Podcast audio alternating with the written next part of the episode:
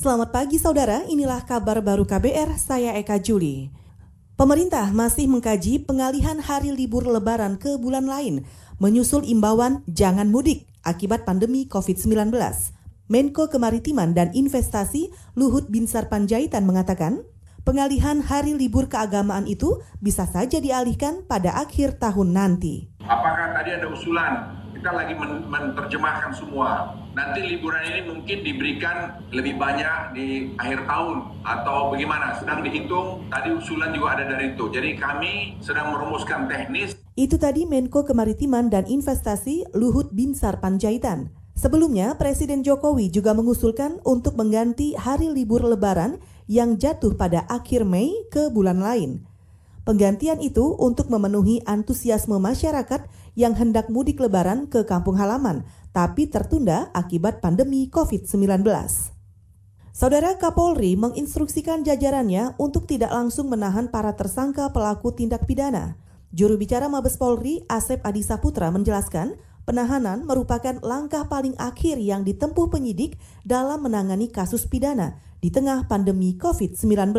Sudah ada petunjuk dari Bapak Kapolri bahwa jajaran kepolisian dalam melakukan penanganan tindak pidana ini sangat selektif dan secara khusus yang berhubungan dengan penentuan penahanan dalam sebuah proses penyidikan itu dijadikan sebagai upaya yang paling terakhir. Artinya diharapkan seluruh jajaran kepolisian, khususnya para penyidik, tidak dengan mudah untuk melakukan penahanan. Juru bicara Mabes Polri, Asep Adisa Putra juga menambahkan, para penyidik harus lebih mengedepankan proses hukum normatif.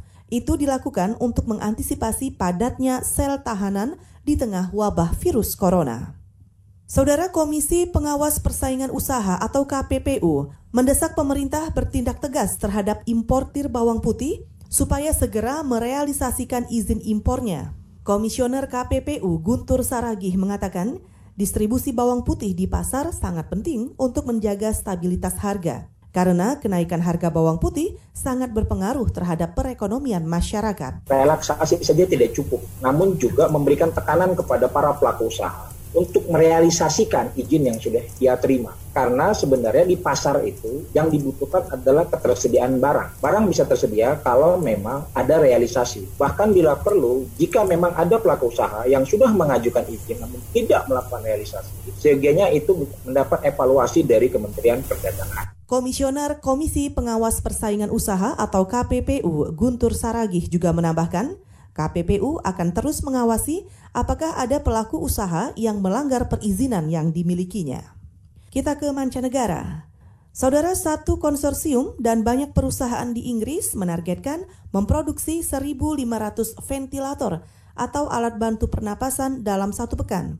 Ventilator itu dibuat oleh dua perusahaan Inggris, yakni Penion dan Smiths Group. Konsorsium perusahaan itu antara lain melibatkan perusahaan Airbus, Ford, Rolls-Royce, dan tujuh tim Formula 1.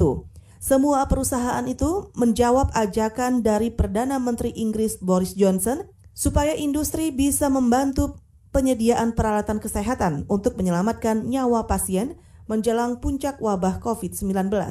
Sampai akhir Maret kemarin, Inggris melaporkan total kematian akibat COVID-19 menjadi lebih dari 2.300 kasus. Saudara, demikian kabar baru. Saya Eka Juli.